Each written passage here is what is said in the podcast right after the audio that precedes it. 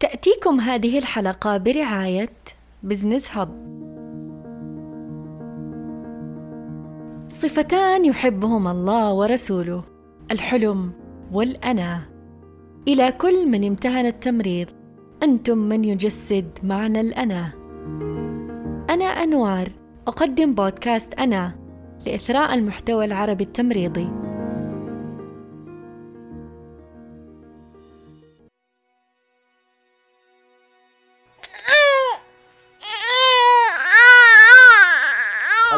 Baby boy out at 9:32.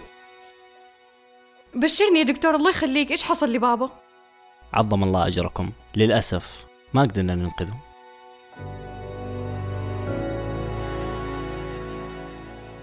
بين ولادة جديدة وصرخات المتألمين وآخر نظرات المتأملين ودموع الفرح ونظرات الترقب وابتسامة الجراح عند نجاح العملية. كل هذه التناقضات بشكل متكرر ويومي تجعلنا نتساءل من وراء كل هذه التفاصيل؟ من يرعى المريض؟ من يطمئن الخائف؟ ومن يهدئ القلق؟ من يوثق السجلات الطبية وأحداث العملية؟ من المسؤول عن نقل المريض واستقباله تحضيره وسلامته في كل مراحل إجراء العمليات الجراحية؟ نعم إنهم ممرضي العمليات العاملين خلف الكواليس الحريصين على سير كل شيء بشكل مثالي وكما هو مخطط له. تمريض العمليات هو عبارة عن تقديم الرعاية التمريضية والحرص على سلامة المريض من جميع النواحي قبل دخوله غرفة العمليات وأثناء إجراء العملية الجراحية وبعدها. إنه تخصص عالي الطاقة. يتطلب فهما قويا لمهارات التعامل مع الآخرين والمهارات الإكلينيكية. أفتكر مرة من المرات جيت بستلم حالة مريض لحظة وصولي لقسم العمليات. دخلت عليه وقلت له آه السلام عليكم صباح الخير يا عمي. أنا اسمي أنوار الممرضة المسؤولة عنك اليوم في العملية إن شاء الله. آه لا تشيل هم كل أمورك إن شاء الله بتكون طيبة. وانصدمت لما كرر اسمي وقال لي أنا جيتكم قبل كذا وكنت نفسك معاي. والله أني ما نسيتك من دعواتي من وقتها لهذا اليوم. يعني قديش كان الموقف مؤثر بالنسبة لي بالرغم إني كنت أسوي عملي الطبيعي وما كنت أحسب إنه هذا الشيء بيأثر على المرضى بهذا الشكل. ينقسم عمل الممرضين في العمليات لثلاثة أقسام وهم كالتالي ال scrub nurse اللي هي الممرضة المعقمة ال circulating nurse ال PACU nurse وهو اختصارا ل post anesthesia care unit تشمل المسؤوليات الوظيفية للممرض المعقم أو ال scrub nurse ما يلي. تحضير المرضى للجراحة مع بقية طاقم التمريض في الغرفة. التأكد من توفر المعدات الطبية اللازمة للجراحة. اتباع تعليمات الجراح. تمرير المعدات الطبية إلى الجراح ومساعدته إن أمكن. الحفاظ على إبقاء منطقة الجراحة معقمة دائما. تشمل المسؤوليات الوظيفية للممرض الغير معقم أو ال circulating nurse ما يلي. مراجعة تقييمات المرضى قبل العملية. الحصول على معدات طبية في عبوات معقمة. فتح العبوات المعقمة دون ملامسة ما بداخلها. تدوين الملاحظات وتوثيق الإجراءات المتبعة في سجلات المريض الطبية. مساعدة جميع الفريق الطبي إن احتاج. تحديد كيفية رعاية المرضى ومراقبة حالة المريض أثناء الجراحة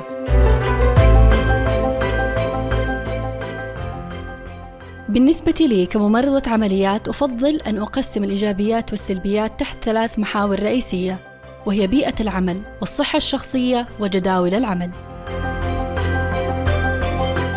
يمكن أن يكون لبيئات العمل الإيجابية أو السلبية تأثيرات كبيرة على أدائنا وتؤثر حتى على حياتنا خارج الوظيفة. يشتهر التمريض بوجود بيئات عمل نشطة ومليئة بالإجهاد مع نوبات شاقة قد تصل لأكثر من 12 ساعة إن السمة الأساسية للعمل في غرفة العمليات هي العمل الجماعي. يجب أن يعمل الجراح وطاقم التمريض معا بسلاسة لضمان سلامة المرضى ونجاح العملية. من أجل الاستمرار في التركيز بشكل كامل على الإجراءات الجراحية، يعتمد الجراحون عادة على الممرضين المعقمين لتبادل المعدات الجراحية حسب الحاجة. عندما يكون لكل عضو في الفريق دور حاسم في صحة المريض أو الإضرار به فإن الأساس الذي يجمع هذا كله هو الثقة وهذا الشكل القوي من الزمالة بين أعضاء الفريق يمكن أن يجعل بيئة العمل التمريضية ممتعة في حين أنها شديدة التوتر. wrong side wrong site wrong procedure wrong patient هذه هي الأخطاء الجراحية الأربعة الأكثر شيوعاً التي تم توثيقها في دراسة أساسية نشرتها وكالة أبحاث الرعاية الصحية والجودة. في حين أن فرصة حدوث أحد هذه الأخطاء منخفضة بشكل لا يصدق يعني ما يقارب واحدة من بين 112 ألف عملية جراحية.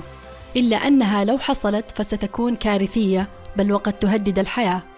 وهذا هو سيناريو الضغط العالي الذي يقع على أكتاف التمريض في كل شفت. يجب أن تكون الصحة في مقدمة أهدافك. إن لم تستطع مساعدة نفسك فكيف ستتمكن من مساعدة الآخرين؟ قد يكون هذا مبتذلا لكنه صحيح ولا يتعلق الأمر هنا بالصحة الجسدية فقط بل الصحة النفسية مهمة أيضا. إن إراحة شخص يمر في وقت عصيب يجلب الشعور بالرضا. والعمل الجاد لمنح مريضك حياة أفضل هو أمر مرض بشكل لا يصدق حتى أصعب الأيام يمكن تهدئتها من خلال شكر صادق لك بعد استيقاظ المريض من عملية جراحية ناجحة. أظهرت الدراسات أنه يمكن للممرضين المشي لمسافة تزيد عن أربعة أميال في فترة شفت واحد مدته 12 ساعة. هذه طريقة رائعة للحصول على 10 ألاف خطوة في اليوم، ولكن تأكد من ارتداء أحذية مريحة تناسب طبيعة العمل. على الرغم من أن المشي في خطواتك يبدو أمرا رائعا إلا أن كونك ممرض عمليات فهذا يتطلب مجهودا بدنيا كبيرا. قد تجد نفسك واقفا في أوضاع غير مريحة لساعات متتالية مع فرصة ضئيلة للراحة. وإن لم يكن لديك وضعية وقوف مناسبة فيمكنك أن تقول وداعا للركبتين والكاحلين. بقدر ما يكون العمل في غرفة العمليات في يوم جيد أمرا مجزيا إلا أنه يتطلب نفس الشيء في يوم سيء. يمكن أن تعني الأيام السيئة في وحدة غرفة العمليات مضاعفات خطيرة وعمليات غير ناجحة وفي أسوأ الأحوال فقدان المريض. هذا النوع من الإجهاد مرهق عقليا وعاطفيا. الممرضين دائما يحتاجون إلى منافذ للتنفيس وإلا فإنهم يخاطرون بتكوين هذا الضغط داخل أجسادهم. في دراسة استقصائية للتمريض أجرتها RN Network فكر أكثر من ربع الممرضين في ترك مهنتهم التمريضية بسبب إرهاقهم في العمل. ومن ناحية أخرى، يجب أن يتناسب جدول عمل الفرد مع أسلوب حياته وأولوياته. يجب أن تأخذ في الاعتبار العديد من الأشياء عند تحديد الشفت الذي تريده، وعدد الساعات التي يمكنك القيام بها كل أسبوع.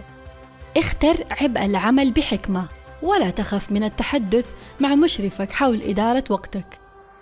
إن من أكثر ما يميز عدد ساعات العمل في غرفة العمليات هي أنها تتناسب مع الساعات المكتبية بمعدل 8 إلى 9 ساعات يومياً لمدة خمسة أيام. بينما من المفترض أن يعمل التمريض في نوبات مدتها كما قلنا من 8 إلى 9 ساعات فإنها قد تتحول باستمرار إلى نوبات من 12 إلى 14 ساعة. يبقى التساؤل الأخير: ما الذي يجعل مني ممرضة غرفة عمليات جيدة؟ يجب أن يتمتع ممرض غرفة العمليات الجيد بنفس المهارات والسمات مثل طاقم التمريض في أي قسم آخر. تعتبر بعض المهارات أكثر أهمية من غيرها في هذه البيئة، بما في ذلك المهارات الخمسة التالية. أولاً القدرة على العمل بروح الفريق. يوضح تريند دوجلاس دكتوراه في الطب فيقول: إن غرفة العمليات هي بيئة معقدة للغاية، وكل عضو في فريق غرفة العمليات يتطلب مهارات محددة بالإضافة إلى المهارات الفردية اللازمة لإجراء عملية جراحية بأمان ونجاح هناك سمات مشتركة يحتاج كل من الجراح والممرضين وفريق التخدير إلى مشاركتها. أنجح فرق العمليات التي رأيتها تشترك في سمات التواصل الجيد والإحترام والتنظيم والترقب. ثانياً، مهارات تواصل ممتازة يمكن أن تتصاعد التوترات في غرفة العمليات لذا فإن قدرتك على التواصل الفعال مع أعضاء الفريق الطبي بسلوك هادئ ومهني هو أمر ضروري.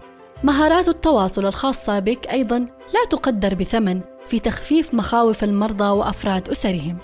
تشير مجلة نيرس جورنال أيضا إلى أهمية التواصل الفعال أثناء تثقيف المرضى قبل الجراحة وتجاوز طرق التعافي بعد الجراحة. ثالثا عالي التنظيم بصفتك ممرض في غرفة العمليات من الضروري أن تكون منظما للغاية وعلى درجة عالية من الكفاءة في تنظيم الإمدادات والإجراءات لضمان أفضل نتيجة ممكنة خلال أي عملية جراحية. إن ممرضي غرفة العمليات يجب أن يكونوا قادرين على العثور على أي أدوات جراحية وأدوية بسرعة، ويفضل أن يكون ذلك في غضون 30 ثانية. إن هذا ممكن فقط من خلال كونك منظما للغاية. للممرضة كاري بولسن. رابعاً الاهتمام بالتفاصيل.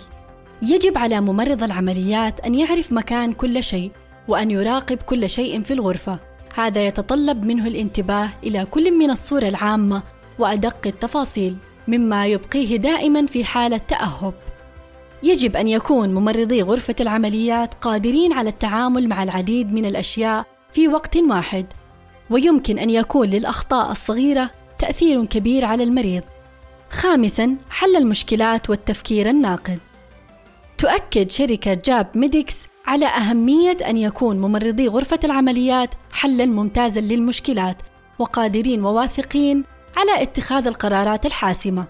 وتؤكد بولسن أيضاً في مشاركتها أن ممرضي غرفة العمليات يجب أن يكونوا قادرين على الحكم والتحليل والاستجابة بسرعة وبشكل مناسب للمواقف المتغيرة. حتى الإجراءات الروتينية يمكن أن تتغير في ثانية، لذلك يجب أن تكون قادرا على التغيير معها. وفي النهاية هنالك فوائد لا تصدق في أن تصبح ممرض غرفة عمليات، حيث توفر لك مساحة لإنقاذ الأرواح والتعلم المستمر وتحسين المهارات الخاصة بك.